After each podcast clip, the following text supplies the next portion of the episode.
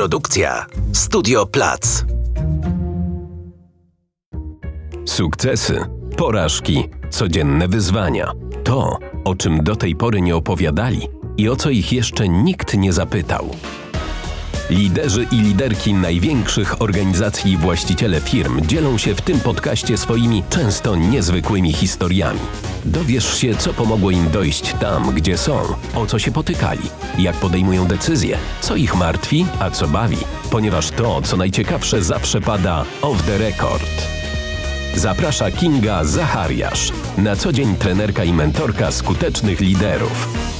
Witam w kolejnym odcinku mojego podcastu Lider, Liderka of the Record.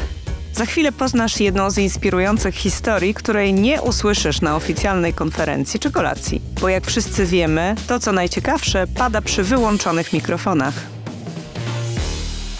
Cześć. Dzisiaj moim gościem jest Piotrek Lipa, członek zarządu Unika, który odpowiada za, uwaga, kulturę organizacyjną, HR, markę oraz obszar prawny i compliance. Zgadza się, cześć, dzień dobry. Wszystko prawda. E, otóż z Piotrem e, znamy się dłuższą chwilę, mamy kilka punktów stycznych i muszę ci powiedzieć, że wypisywałam jakie, nawet może cię zdziwi. Po pierwsze tak, oboje pochodzimy z Łodzi. Oboje skończyliśmy prawo. Piotr jeszcze kończył psychologię, a ja podyplomowo też studia z psychologii przywództwa. A do tego oboje pracowaliśmy w dwóch bankach. To prawda, i to tych samych na dodatek. No właśnie, w sensie nie, że w dwóch naraz każdy z nas, ale tak się złożyło, że nasze drogi zawodowe się przecięły dwukrotnie. Ja zawsze byłam po stronie biznesu, Piotr po stronie HR-u. Wszystko prawda, za wyjątkiem jednej rzeczy, którą muszę sprostować. Ja nie pochodzę z Łodzi, pochodzę ze Świętokrzyskiego, ale w Łodzi studiowałem i Łódź bardzo kocham do dzisiaj. E, w związku z tym dużo serca tam zostawiłem i cały czas z ogromnym sentymentem o, o tej Łodzi myślę. To dobrze, bo ja cię będę traktować, wiesz, jako ziomka. Nie? Jako ziomka, Może... proszę bardzo, proszę bardzo. E, Piotr, mam na początek takie tradycyjne pytanie. Skąd się wziąłeś tutaj ze mną przy tym stole? To znaczy, jak to się stało? W ogóle jaka była twoja ścieżka dochodzenia do tego przecież bardzo wysokiego stanowiska, członek zarządu w wielkiej firmie ubezpieczeniowej? Jak ty w ogóle, bo ja początków twoich nie znam, no bo widziałam cię w akcji we współpracy naszej, gdzie tam się nasze drogi przecinały. Skąd ty się wziąłeś? Wiesz co, te początki to są takie dla mnie samego zaskakujące, szczerze mówiąc.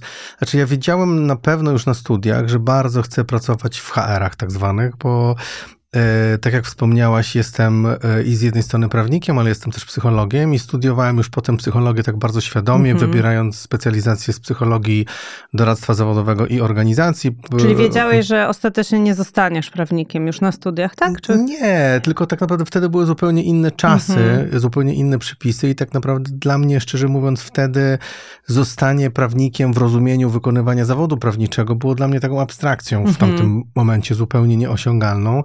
A ja tak mam w zwyczaju dość twardo stąpać po ziemi. W związku z tym wiedziałem o tym, że muszę zrobić coś, żeby móc zostać w dużym mieście. W związku z tym zdecydowałem się na drugie studia, zdecydowałem się na studiowanie psychologii i jednocześnie ubiegałem się o zatrudnienie w różnych miejscach. Wtedy to był taki czas, gdzie bezrobocie w Łodzi tam było ponad 20%. To tak, był jakiś akurat kosmos. pozamykali wszystkie y, to fabryki włókiennicze, prawda. prawda? W związku z tym ta rekrutacja była taka długa, długa, długa w banku PKO USA wtedy. E, e, I e, szczerze mówiąc, traktowałem to jako takie pole doświadczalne, bo tak jakoś nie wierzyłem, że to się tak uda wszystko, że gdzieś tam znajdę się w takim miejscu, ale rzeczywiście po tej rekrutacji dostałem propozycję pracy i zacząłem swoją przygodę z, HR-ami właśnie w banku PKO SA. Najpierw w Łodzi. I byłem mniej więcej dwa lata w Łodzi, po czym zaproponowano mi pracę w centrali i taki miałem plan przyjechać na rok, nauczyć się czegoś i wrócić mm -hmm. do mhm. mojej łodzi. Mm -hmm. Zresztą wtedy już tam swoje życie osobiste układałem, gdzieś tam jakieś gniazdko wspólne wiliśmy. No ale okazało się, że po trzech latach takiego dojeżdżania ciągłego, no było to strasznie trudne, no i już chyba mi e, ten powrót do Łodzi nie był pisanym. W związku z tym przyjęliśmy odwrotny kierunek i e, zostaliśmy w Warszawie. No i tak w tym banku PKO SA byłem jakieś pewnie 14 lat, więc No, bardzo, ja bardzo też dużo. 15 lat tam pracowałam. No. Wiesz co, tak sobie czasami myślę o tym i y, nawet jak sobie myślałem o tym, przygotowując się do moich rozmów rekrutacyjnych, jak wtedy już zaplanowałem, że tą pracę zmienię, że Bank PKO SA jako moja pierwsza praca to było moje i największe szczęście i moje największe nieszczęście Mhm. jednocześnie. Dlatego, że e, on dawał bardzo wiele możliwości jako bardzo duża organizacja. Ja byłem e, e, tak lokalizacyjnie, pracowałem w Łodzi, w Warszawie, we Wrocławiu, w całym regionie dolnośląskim, e, jak zostałem dyrektorem regionalnym HR-owym dla bankowości detalicznej. I to było coś super, bo czułem się tak, jakbym rzeczywiście zmieniał miejsca pracy zupełnie. E, Ale z drugiej strony to wciąż była ta sama kultura, więc z punktu widzenia zewnętrznego obserwatora to takie mało korzystne, jak się potem okazało, i było to jakąś trudnością te, te ileś lat tylko w jednym miejscu. Ale poczekaj, bo e, przecież ty też tam będąc e, PKO SA, żeby powstało takim, jakim jest, nie żebyśmy jakoś specjalnie na tym banku tą analizę prowadzili, ale mówisz, że to była jedna kultura. Przecież to był moment, pewnie ty byłeś wtedy, kiedy te cztery banki się łączyły, nie? Tak, dołączyłem zaraz jeden po. tak naprawdę. E, tak, oczywiście, że tak, ale wiesz, no mimo wszystko później z perspektywy kogoś, kto szuka człowieka do pracy, to było mniej ważne. Ważne było to, że to Mhm. jest jeden pracodawca, w zasadzie jedna kultura. Zresztą y, jak dyskutowałeś już ze swoimi gośćmi, tutaj taka dość wyraźna kultura z takim dość wyraźnym leadershipem, nazwijmy to w taki sposób. W związku z tym rynek o tym wiedział i to było pewnego rodzaju ograniczeniem pewnie. No, masz rację, że to była faktycznie taka organizacja, kiedy rozmawiamy o tym culture, że ona tak silnie wpływała na ludzi, że to nie była moja pierwsza praca. Ja pracowałam wcześniej 3 lata w Citibanku, który no, y, no, był zupełnie inną organizacją i tak mnie trochę też wychował, no bo ja byłam dzieciakiem tam na czwartym roku studiów, zaczęłam pracować. E, Ale masz rację, że ten, ten bank i ta jego specyficzne, to specyficzne przywództwo y, i trochę będziemy potem do tego też nawiązywać, ono taką wy- wypala w człowieku naprawdę taką, jakiś taki znak, nie? Że w ogóle ludzie, którzy z tego banku się wywodzą, no tak, nie wiem, to jest trochę na zasadzie takiego, nie chcę, żeby to źle zabrzmiało, jakiegoś może nie tajnego bractwa, ale a, byłeś w PKO, a, mhm. coś wspólnie rozumiemy, nie? Wiesz co, tak, ale to była o tyle dla mnie też taka bardzo charakterystyczna kultura, tam już nie wchodząc w te wszystkie szczegóły w koło, ale, ale taka bardzo samowystarczalna. ym, Radź sobie E, taka. Tak. e, I e, wiesz co, ja nawet łapałem się na tym, jak potem poszedłem do kolejnego miejsca, że ja nie, nie umiałem wydawać pieniędzy. Nie, znaczy, dla A mnie ja tak naprawdę Mhm. zakup usługi to było dla mnie coś jakby tak niewiarygodnego, że ja na samą myśl o wydaniu pieniędzy, to przecież jakby zupełnie normalne, że niektóre rzeczy kupujemy i to jest coś zupełnie oczywistego. E, Myślę, że byliśmy, przynajmniej ja byłem, może będę mówił za siebie, e, e, nauczony tego, że trzeba sobie poradzić, tak? To, to taka szkoła. Ale wiesz co, no widzisz, to jest kolejne tylko potwierdzenie, że mamy, bo ja miałam tak samo, to znaczy nagle się okazało, że można mieć jakiś disposable, mówiąc po polsku, budżet, jak jesteś dyrektorem dużego obszaru i w ogóle możesz sobie go wydać no wiadomo, że nie, może nie na futra, ale na potrzeby swojego zespołu. Masz rację i może to jest tak, że każdy wychowany w takiej organizacji w takiej kulturze po prostu umie potem, jak to jest taka piosenka, umiemy chleb bez masła jeść. Śpiewa Pa- Paulina Przybysz chyba, czy Natalia Przybysz w innym kontekście, ale faktycznie my umiemy jeść Coś chleb bez masła, Coś nie? w tym jest, tak Mhm. jest. No dobra, ale potem no byliśmy, spotkaliśmy się w kolejnym banku. No i potem, potem ja po tym PKO poszedłem do Prameriki, jeszcze ówczesnej, dzi- dzisiaj Unum, do zakładu ubezpieczeń e, małego, takiego życi życiowego, gdzie byłem szefem HR-u. Było to super doświadczenie, super doświadczenie. Naprawdę św- świetni ludzie, bardzo fajna atmosfera. A potem po sprzedaży Prameriki poszedłem do BNP Paribas, w którym się spotkaliśmy Mhm. ponownie. Tam byłem dyrektorem takiego dużego departamentu HR Business Partnerów. Muszę powiedzieć, że wtedy przeżyliśmy też, ja pamiętam, to była najlepsza, najlepszy wyjazd służbowy, na jakim byłam w życiu. Pośpiewaliśmy Śpiewaliśmy troszkę. Bon Tak, to Jovi. prawda, to Nie pamiętam, prawda. jaka to była piosenka, ale It's my life. It's my life. Otóż to. Oczywiście. Oczywiście. Śpiewaliśmy Bon Jovi i to był naprawdę fajny wyjazd, y, ale moja przygoda z BNP nie trwała szczególnie długo, bo tam jakieś pewnie niespełna dwa lata. E, I ja sobie wtedy postanowiłem, że będę robił zupełnie coś innego i to był taki moment, gdzie zdecydowałem, że jednak zajmę się wykonywaniem zawodu prawniczego. W, zrobiłem dużo, żeby zdobyć uprawnienia. Mhm. Zresztą robiłem to dużo przez kilka lat równolegle z etatem. To był taki pomysł na życie i szczerze mówiąc w ogóle nie planowałem powrotu do korporacji. Nawet gdzieś tam po drodze pojawiały się jakieś propozycje, mhm. ale jakoś tak dość świadomie i zdecydowanie je odrzucałem. No a tu nagle pojawiło się unika. Szczerze mówiąc, nawet nie jestem w stanie odpowiedzieć, dlaczego y, tą propozycję przyjąłem. Chyba rzeczywiście było to dla mnie ciekawe, że ta organizacja jest w takim momencie właśnie pofuzyjnym, że jest sporo rzeczy takich, gdzie wiedziałem, że te takie moje kompetencje trochę twardsze z tymi miękkimi, one się gdzieś mają szansę połączyć. I dlatego postanowiłem podjąć rękawicę. O, I tak jestem. E, właśnie ty fajnie łączysz, tak jak powiedziałeś, trochę i twarde i miękkie, no bo HR, no może coraz mniej, możemy o tym też pogadać, się kojarzy raczej z, takim, z taką miękkością, e, a no już prawnicze kompetencje i teraz bardzo często jest tak, że w ogóle nie ma, kiedyś to były kadry, potem tak był HR, tak jest. A teraz w wielu organizacjach, ja też to widzę u swoich klientów, jest szeroko pojęte people and culture. I tak naprawdę w ramach tego people and culture HR jest tylko częścią jakąś tam jest właśnie employer branding. No, ty masz także ten cały obszar prawny i compliance. Dlaczego to tak jest teraz? Dlaczego to już się nie nazywa HR według ciebie? Wiesz co, ja myślę, że to tak naprawdę nie jest tylko i wyłącznie kwestia nomenklatury, tylko też te, troszkę kwestia oczekiwań w mhm. stosunku do tej funkcji, ale też kwestia takiej potrzeby i skali wpływu tej funkcji na biznes.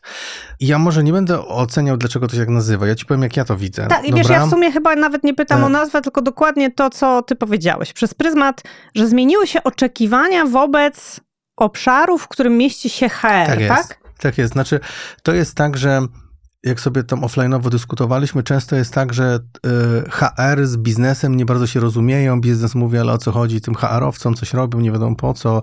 HR-owcy mówią, ale my się komunikujemy, ten biznes nas nie słucha i tak dalej, i tak dalej. A tak naprawdę, jak ja patrzę na swoją rolę, to ja chciałbym być traktowany przez moich kolegów z biznesu jako część biznesu jako taka funkcja, która daje inną nieco perspektywę, ale na realizację tych samych biznesowych celów. To znaczy, są pewnie takie HR-y tak zwane, które e, jakby się tam cały biznes zwinął, to dopiero po jakimś czasie by się może zorientowały, że tego biznesu nie ma, no bo e, generują e, Taki ruch u siebie. produkty i ruch u siebie, czy takie efekty swojej pracy, które jakby bardziej pokazują czy jakby uzasadniają obecność, aniżeli dają wartość. Mhm. I teraz jak się jest częścią biznesu, e, czy jak e, ta funkcja people and culture ma ambicje być częścią biznesu, no to raczej stara się dostarczać wartość do tego, żeby te cele biznesowe realizować. Czyli już może nie same procesy HR-owe jako takie są istotne, ale one są istotne w kontekście konkretnych celów biznesowych i wyzwań, które przed tym biznesem stoją.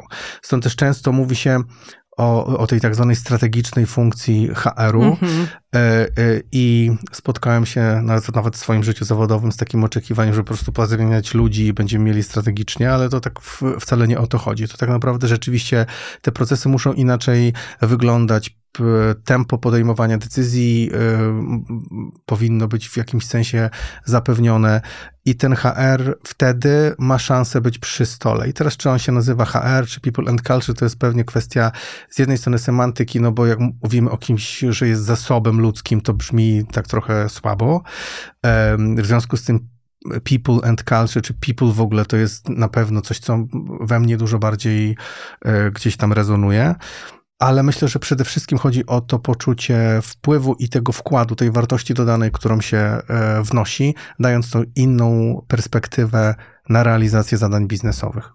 No to ja ci teraz powiem, e, pewnie ci nie zdradzę wielkiej tajemnicy, ale e, ja faktycznie całe życie pracowałam po stronie biznesu. Nigdy nie miałam okazji pracować po stronie HR-u. I tak to prawda, że biznes uważa, że HR właściwie no to jest taka, no taka funkcja nie chcę, żeby to jakoś źle zabrzmiało. No, mi nawet kiedyś powiedziałaś, jak się spotkaliśmy, co na ten temat myślisz, więc... Tak, chyba wtedy, wtedy jak jeszcze pracowaliśmy może, no ale faktycznie to jest tak, że to jest takie trochę zaplecze. O, może tak to powiem, że HR to jest w ogóle back office i szczerze powiem, powiem ci zupełnie szczerze ze swojego doświadczenia, jak ja na przykład robiłam rekrutację I HR mi mówił, słuchaj, ta osoba się nie nadaje. To ja mówiłam, kurde, kim ty jesteś, żeby mi mówić, to ja tu jestem z biznesu, ja tu sobie swoich menadżerów rekrutuję i w ogóle fajnie, fajnie, poproszę pieczątkę. Tak? I w ogóle wy nic nie rozumiecie. E, trochę tak biznes, myślę, HR, myślę, że niestety nadal często tak postrzega, ale ja już nie bo, no proszę, jaka zmiana, jak miło tego słuchać. Bo y, zmieniłam perspektywę. No to jest klasyczna sytuacja, że punkt widzenia zależy od punktu siedzenia, ale ja teraz siedzę właściwie na dwóch krzesłach, nie? Bo po pierwsze tak, widzę perspektywę heru i bardzo często to jest tak jak mówisz, people and culture, bo jednak y, jak y, siedzę i na tym krześle i na biznesie, no bo jeśli uzgadniamy jakieś warsztaty przywódcze czy, czy mentoringi, no to rozmawiam oczywiście z biznesem, ale często te rozmowy zaczynają się w people and culture, no bo tam macie te takie piony czy departamenty odpowiedzialne za rozwój ludzi, za tak szkolenia, jest. za talent, za coś tam. I, to, I teraz patrzę na to jeszcze zupełnie inaczej, bo ja teraz słyszę z kolei z tego heru. Ten biznes nas w ogóle nie rozumie. Oni w ogóle, my, tak, my chcemy, oni nas po pierwsze, i co jest myślę istotne, oni nas nie wpuszczają do siebie. Oni nas w ogóle traktują, dokładnie traktują nas tak, jak ja powiedziałam, że myślałam o HR-ze. No więc mm, to, to trochę tak jest, a myślę, że faktycznie to people and culture e, e, mam teraz, e, mam na to dowody, nie? że jak People and Culture współpracuje z biznesem, coś robimy razem, na przykład taki obszar, wiesz, mój jeden z moich ukochanych, czyli różnorodność, stereotypy, mhm. on się super jakby ogrywa i biznesowo, i people culture'owo. To nie jest tak, że biznes ma rację, czy HR ma rację, bo to jest tak, że no nie ma monopolu na mądrość pewnie, nie? To też jest tak, że ta współpraca e, daje najlepsze efekty, kiedy rzeczywiście te perspektywy można połączyć. Dlatego yy, dopuszczenie, mówiąc w taki sposób, tego HR-u do stołu zawsze daje w mojej ocenie -hmm. realną wartość biznesowi. E, pytanie też, i to jest takie, takie uderzenie się w naszą własną HR-ową pierś, na ile my jako HR-owcy naprawdę chcemy przy tym stole być, na ile chcemy rozumieć ten biznes, mm -hmm. na ile sami czujemy się częścią biznesu, na ile rzeczywiście wno, wnosimy wartość. Ale jeżeli e, jest taka postawa, która właśnie pokazuje, że my jesteśmy nie jakąś funkcją, która jest obok czy na zapleczu, ale jesteśmy funkcją, która dodaje tą wartość, do, e, wartość dodaną do biznesu, no to sądzę, że temu naszemu biznesowi wcześniej czy później E, powinno naprawdę mocno zależeć, żeby nas do tego głosu dopuścić. Ja tak ciągnę ten temat, bo nasz przewodnik, do którego za chwilę przyjdziemy, jest właśnie tak na, granic, na pograniczu HR-u i biznesu i myślę, że do, do, do, tych, do tego, y, jakby rozmawiając o tych case'ach, ważne jest to wzajemne zrozumienie i znaczy moja rada dla HR-u to byłaby taka. Miałam ostatnio rozmowę z y, szefową obszaru People and Culture w bardzo dużej korporacji, którą mam nadzieję też będę gościć przy tym mikrofonie, przy którym siedzisz i zapytałam ją, co wy w sumie robicie? Bo to niby jest oczywiste, ale no nie będę zdradzać dzisiaj, co to jest za firma. I ona mi z taką swadą zaczęła opowiadać, co my robimy. I ja myślę sobie, najpierw sobie pomyślałam, kurde, jak na HR-ówkę dużo -hmm. wie o no biznesie. No Ale też jej powiedziałam, mówię, słuchaj, po prostu fascynujące jest to, że ty tak to, to, rozumiesz i myślę, że taka osoba, która jakby faktycznie zrobi, jak HR będzie robił ten wysiłek, żeby wiedzieć więcej, a biznes też wiadomo, będzie dawał więcej kredytu, zaufania, choć wywodzimy się z bankowości, HR-owi, no to, to, się musi, to się musi gdzieś tam spotykać, ale musi być jakaś ta część wspólna właśnie, nie? Wiesz co, no to tak trochę jest, no bo E, taki e, model HR-u, który jest e, obowiązujący wciąż, to jest taki model, który wiesz, składa się z HR biznes partnerów na froncie, centrów eksperckich, gdzieś tam wspierających HR biznes partnerów. I teraz wiesz, jak sobie wyobrazisz HR-owca, który przychodzi do ciebie i nie mówi ci, słuchaj, masz tam ileś ocen okresowych do wypełnienia, tak. albo tam coś tam do zrobienia, albo tabelek do wypełnienia. Tylko A i, za, ci, nie słuchaj... zapomnij, co najważniejsze, i nie zapomnij tego wpisać do systemu, bo to jest no w sumie najważniejsze. Czy to zrobisz rozmowy, to jeszcze ale wpisz to do systemu, bo to jest najważniejsze. Tylko mówi ci, słuchaj, powiedz mi, jakie ty masz cele biznesowe, mhm. powiedz mi, czego potrzebujesz, czy masz ludzi o właściwych kompetencjach, czy możemy coś zrobić, żeby pomóc ci te cele zorganizować w jakiś tam sposób, upskillując y, twoich pracowników albo pomagając im w jakiś inny sposób. A jeżeli nie, to może potrzebujesz e, kogoś do, e, dotrudnić, no to byłoby najłatwiejsze w sumie. No, to byłoby ale super. To, więc tego typu pytań się pewnie raczej zbyt często nie zadaje.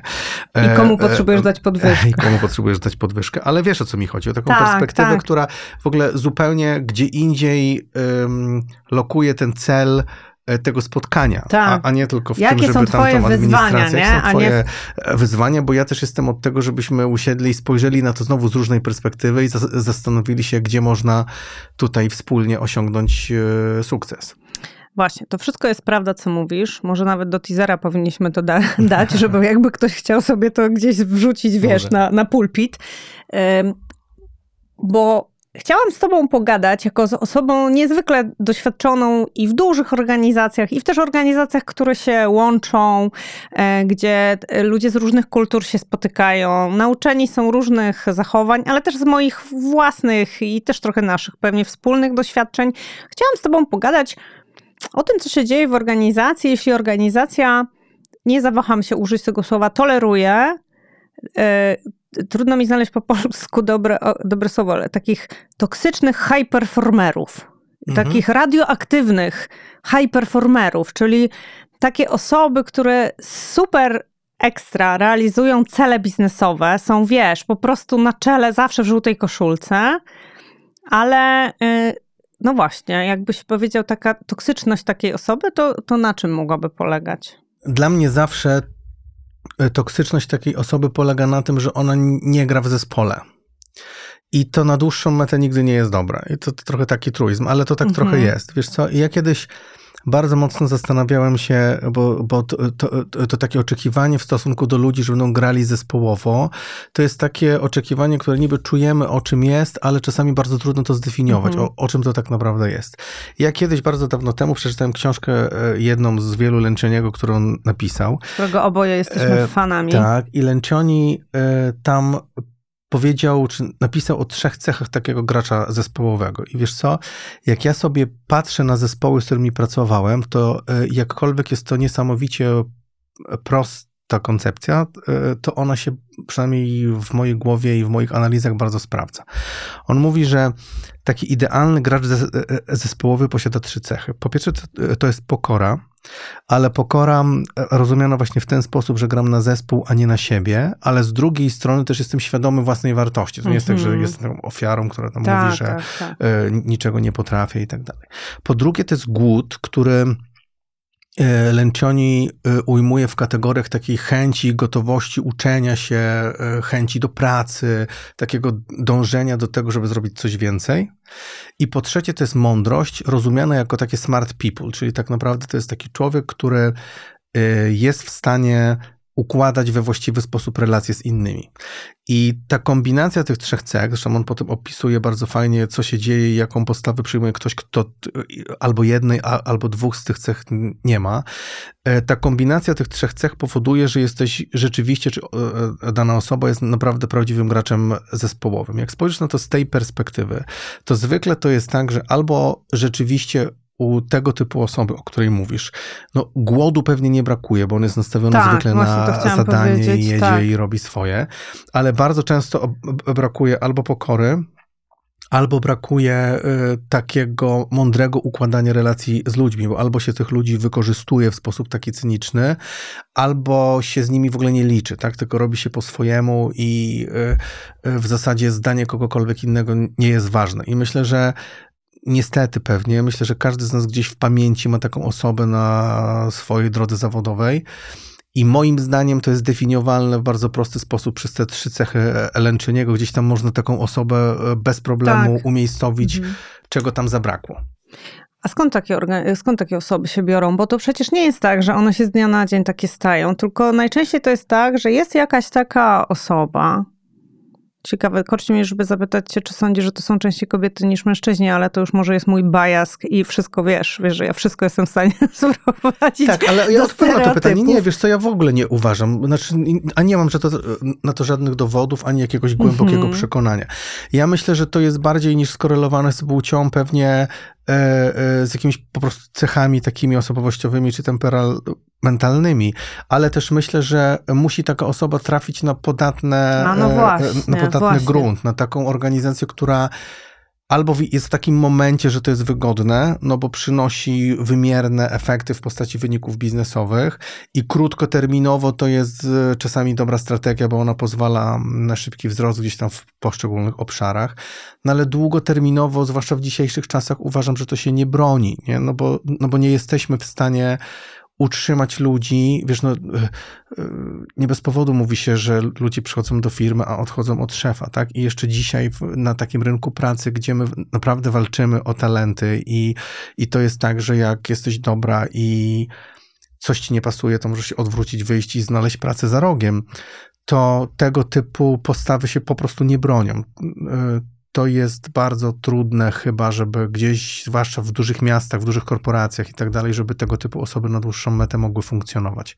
Wiesz co, myślę, że to jest tak, że my trochę żyjemy też w naszych bańkach. I to wychodzi mi w wielu tematach i w wielu rozmowach, że nam się wydaje, że świat jest taki, jak nam się wydaje, że jest, jak zresztą wszystkim. E, I pewnie w takich organizacjach jak twoja, czy, czy nie wiem, czy bankowości, czy gdzieś tam, każdy powie, że, bo wiesz, ja to chcę, tak off, off the record cię chcę tak podpytać, że wiesz, na wszystko wszystko pewnie jest procedura, tam zgłaszania i w ogóle, ale wszyscy wiemy, no ja na, mogę sobie wyobrazić ze, trzy takie twarze, e, no, że jest jakaś taka osoba, o której tam wszyscy gadają, a co ona znowu powiedziała, czy tam co on powiedział, jak on się zachował, w ogóle masakra, nikt nie chce tam do tej osoby, wiesz. No ale to tak, wiesz, gdzieś tam na korytarzach kwitnie i w sumie Pytanie, mam dwa pytania, bo jedno jest takie pytanie, co zrobić wtedy, jak ktoś ci, wiesz, nie chcę używać słowa mobbing, bo to jest takie już chyba trochę przesadzone, no ale tak zatruwa trochę, zatruwa atmosferę, niech będzie jakimiś swoimi takimi niefajnymi zachowaniami. I to jest, jeden wymiar jest tych, co współpracują z tą osobą, a druga jest taka, skąd taki szef w ogóle się, jak on się ma dowiedzieć, no bo wiesz, on może powiedzieć nie wiedziałem, albo nie wiedziałam, nie? Pytanie, czy to jest prawda, czy można nie wiedzieć, w ogóle. Patrz, ile ja ci pytań w jednym zadaję. Wiesz, co mi chodzi? Jak mhm. po prostu rozładować, jak w ogóle zacząć rozładowywanie takiej sytuacji, nie? Bo myślę sobie, że jeszcze, że ten szef, on w sumie podświadomie, albo świadomie o tym wie, ale myśli sobie, kurde, ona, on mi robi takie wyniki, że jestem w stanie trochę pohandlować tą atmosferą za te wyniki, nie? Wiesz co, ja też sobie, patrz, już zapomniałem tego pierwszego pytania, które mi zadać, ale e, przede wszystkim uważam, że mobbing to nie przesadzone. O, to chciałem mhm. skomentować, bo myślę, że to się może zdarzyć i myślę, że nie powinniśmy tego bagatelizować. A e, nawet jeżeli nie mobbing, to jeszcze takie zachowania, które noszą takie e, cechy takiego molestowania w miejscu pracy, to co się potem takie może w ten mobbing takie, przerodzić, jako, więc tak mhm. naprawdę myślę, że jeżeli coś się dzieje złego, to po prostu trzeba to nazywać po imieniu, nawet jeżeli to jest mobbing, no to po prostu jest to mobbing. Ale, ale myślę też sobie, że e, znowu gdzieś dochodzimy do, do, do tych kwestii takich kulturowych w tak, organizacji. Wiesz, bo jeżeli się mówi w organizacji o rzeczach otwarcie. Jeżeli ludzie mają takie rzeczywiście bezpieczeństwo psychologiczne i przyzwolenie mm -hmm. do mhm. tego, żeby mówić, to jest możliwe, bo pracuję w takiej organizacji i wiem, że to jest możliwe, to można o tym powiedzieć albo szefowi bezpośrednio, y, co się zdarza, ale pewnie jeszcze mimo wszystko rzadko, albo można powiedzieć właśnie temu HR-owcowi, który gdzieś jest blisko, prosząc go o pomoc, zanim się uruchomi, te wszystkie, wiesz, takie armaty się wyprowadzi i zacznie się strzelać z tych procedur, powoływania komisji i tak dalej, i tak dalej, po to, żeby gdzieś spróbować zainterweniować w takich sytuacjach, dać sobie feedback, zwrócić uwagę i spróbować skorygować takie zachowania, które gdzieś tam są niespójne z jakąś, z jakimś takim kodem kulturowym firmy. Dzisiaj bym powiedziała, zanim podejmę te, się tego procesu, to opowiedz mi więcej, co ty zrobiłeś, jak ty się z tym czujesz, od kiedy to wiesz, jak to w ogóle funkcjonuje na, na firmę, nie? Właśnie y, pod kątem tego puchnięcia i tak, bo to się nie dzieje z dnia na dzień. Taka osoba nie pojawia się z dnia na dzień przecież. Tylko nie? wiesz, no to jest tak naprawdę odwieczna sytuacja. Odkąd pamiętam, odkąd jestem w HR-ze, to mówimy na temat feedbacku i tego, że musimy tak. się tego uczyć i sobie ten mhm. feedback dawać i tam są te różne metody, kanapki, nie kanapki. Tak. Ale prawda jest, jest taka, że też. E, mniejsza o metodę, tylko tak naprawdę tu chodzi o taką zwykłą, cywilną odwagę po to, tak. żeby komuś powiedzieć, że słuchaj, jest mi trudno to zaakceptować, albo umawialiśmy się na coś innego.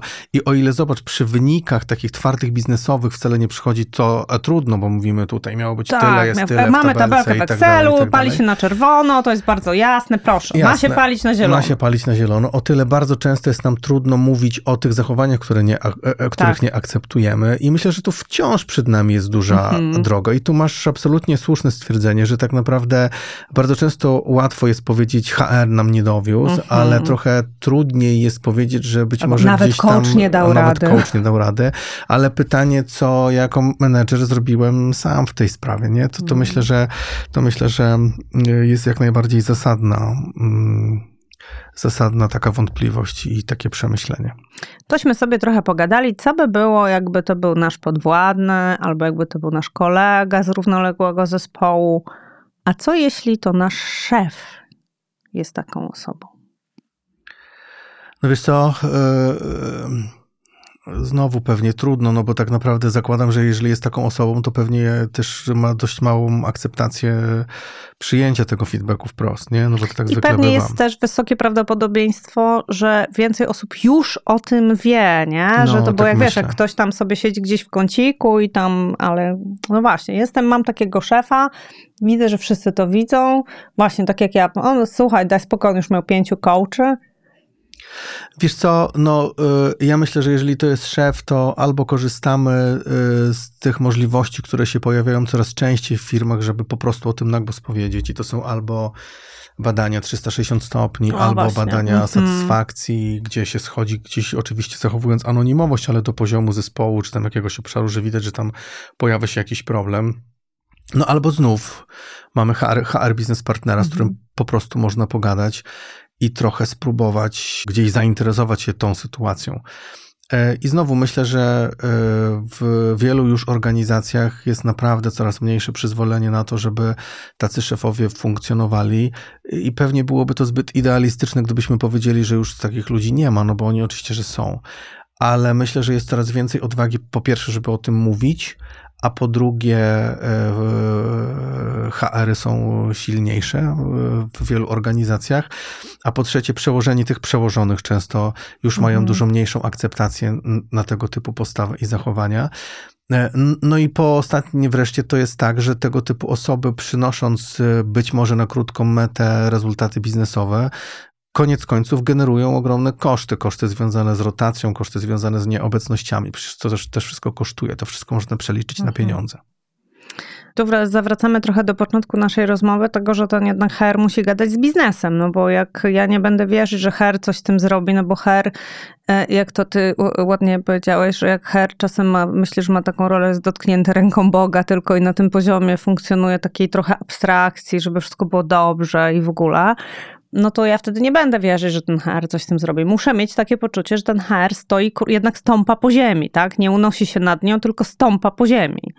No zdecydowanie, a to tak naprawdę znowu w moim przekonaniu daje tylko ta bliskość z biznesem, czyli e, to, że jak ja chcę przy tym stole usiąść, to pozwól mi przy tym stole usiąść i pogadajmy o tym twoim biznesie, albo być może na początku pozwól mi się tego biznesu nauczyć, bo Mhm. ja mogę czasami zadawać pytania, e, czasami być może idiotyczne, ale robię to po to, żeby zrozumieć w ogóle, jak my zarabiamy, zwłaszcza jak ktoś jest nowy w firmie, No tak. w jaki sposób my e, tak naprawdę robimy pieniądze, po to, żebym rozumiejąc był w stanie zaproponować ci jakiekolwiek rozwiązania, które przynoszą wartość, jak najbardziej. Czyli trochę mówimy do tych menadżerów z biznesu twardych, co tylko te cyfry widzą. Jak sobie pościelisz, tak się wyśpisz, tak? Trochę jak sobie po, po wesprzesz swój HR w tym, żeby uczestniczył, tak? To będziesz potem też zbierał, no pewnie to w obie strony, tak? Jak się HR, że chcesz być angażowany, no to pokaż, że jesteś też skuteczny, nie?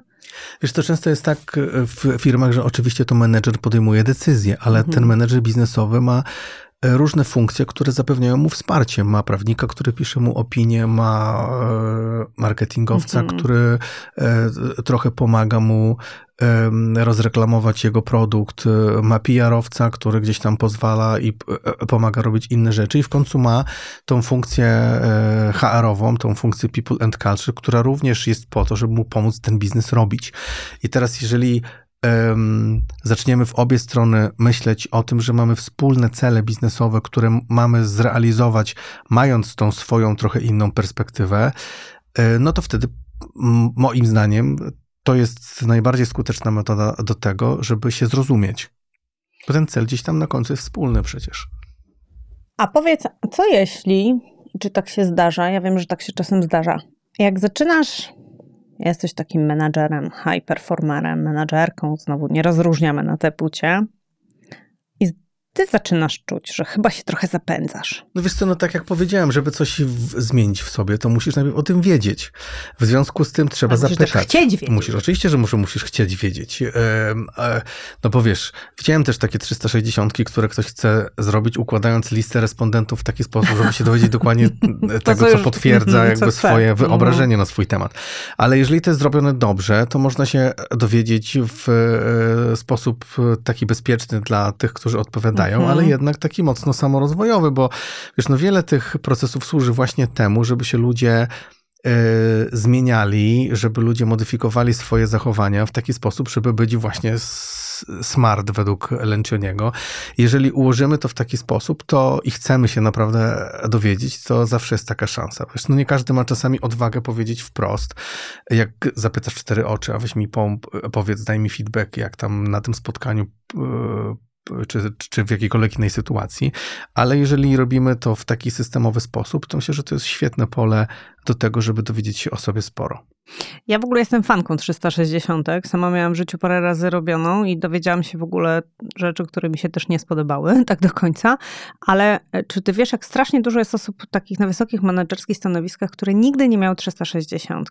A myślę sobie, że w takich sytuacjach to też jest e, super narzędzie dla na przykład zwierzchnika takiej osoby, bo ma w ręku coś, co można by nazwać, prawda, my tu prawnicy, twardym dowodem materialnym, tak?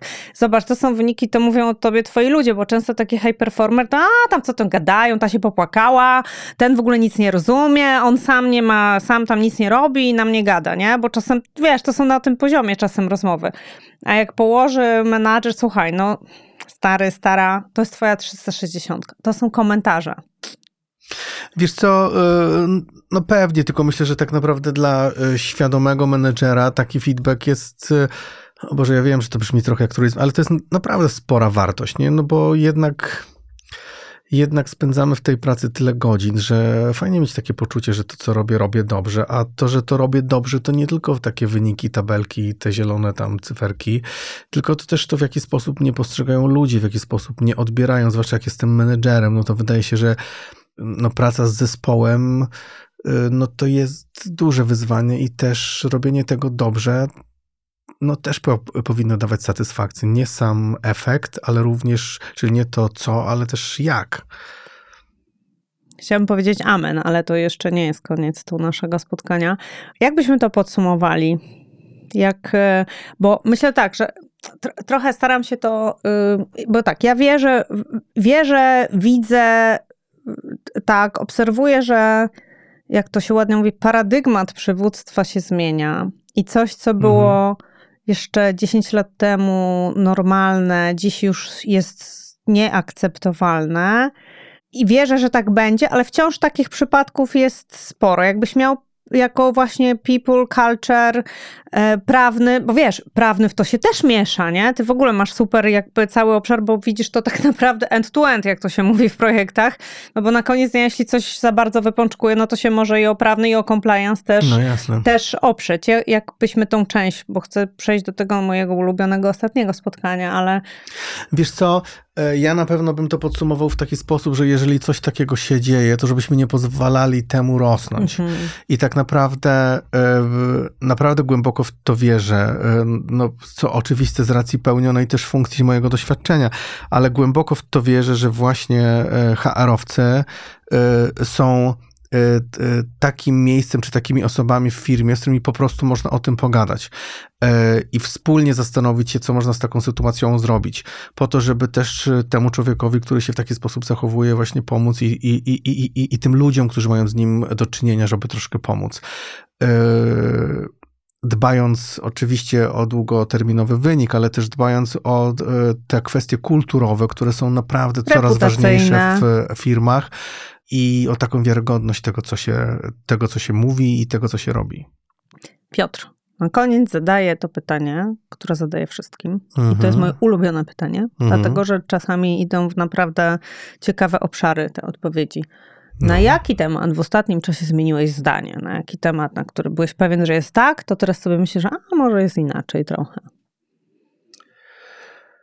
Wiesz co, y, to tak pewnie, to tak pewnie poza biznesowo coś powiem, Super. Dobra, jeżeli mogę. Tak naprawdę y, na pewno już trochę to dzisiaj powiedziałem, że y, trochę myślałem sobie, że żyjemy, wiesz, w takim homogenicznym społeczeństwie, że tak naprawdę właśnie to rozumienie pewnych rzeczy, które wydają się uniwersalne, może być tylko jedno, a te ostatnie sytuacje, jakie społeczne, gdzieś tam mhm. pokazują mi, że to tak zupełnie nie jest i że wydawałoby się, że pomimo tego, że jesteśmy tak jednorodni, to jednak w takich rzeczach zupełnie fundamentalnych, jak rozumowanie pewnych wartości, patrzymy na nie zupełnie inaczej ale też yy, tak patrzę na siebie samego i, i, i, wiesz, kiedyś mi się wydawało, że byłem takim naprawdę ekstrawertykiem, mającym wokół siebie mnóstwo ludzi i to było dla mnie jakąś taką ogromną wartością. Dalej jest, ale, ale zauważam, że im jestem starszy, tym yy, bardzo dobrze czuję się we, we własnym towarzystwie i mam ta, taką potrzebę czasami po prostu pobyć sam. I to jest mhm. coś, co, co mnie samego zaskakuje i, i widzę, że yy, im jestem starszy, tym się tego pojawia więcej. To nie, nie wiem, do czego to, to prowadzi, ale, ale to tak trochę jest. No wiesz, to dobrze świadczy o tobie, bo lubisz w dobrym towarzystwie spędzać czas. Ja się z tobą zgadzam, ja też tak mam. E, czas nas uczy pogody, więc też może po, potrzebujemy mniej takich bodźców, żeby, e, żeby szaleć. Piotr, to ja może tak to od siebie. Za, za bardzo Ci po pierwsze dziękuję za Dzięki wizytę tutaj u mnie. E, I ze swojej strony powiem tak, drogi biznesie, dajcie HR-owi szansę. Drogi HR-ze, czy People and Culture, dajcie szansę biznesowi, no bo po prostu to, nawet jeśli to ma być małżeństwo z rozsądku, to myślę, że warto je zawierać dla jakichś wspólnych e, osiągnięć. Warto być razem. Warto prawda. być razem, to prawda. Dzięki Piotr Wielkie. Dzięki, wszystkiego dobrego. Dzięki. Dziękujemy za wysłuchanie kolejnego odcinka podcastu Kingi Zachariasz. Jeśli podobają Ci się tak podane treści, zaobserwuj podcast na Spotify, aby nie przegapić kolejnych odcinków i zostaw swoją opinię na Apple Podcasts. Wszystkie odcinki dostępne w głównych platformach streamingowych: Spotify, Apple Podcast, Google Podcast. Produkcja Studio Plac.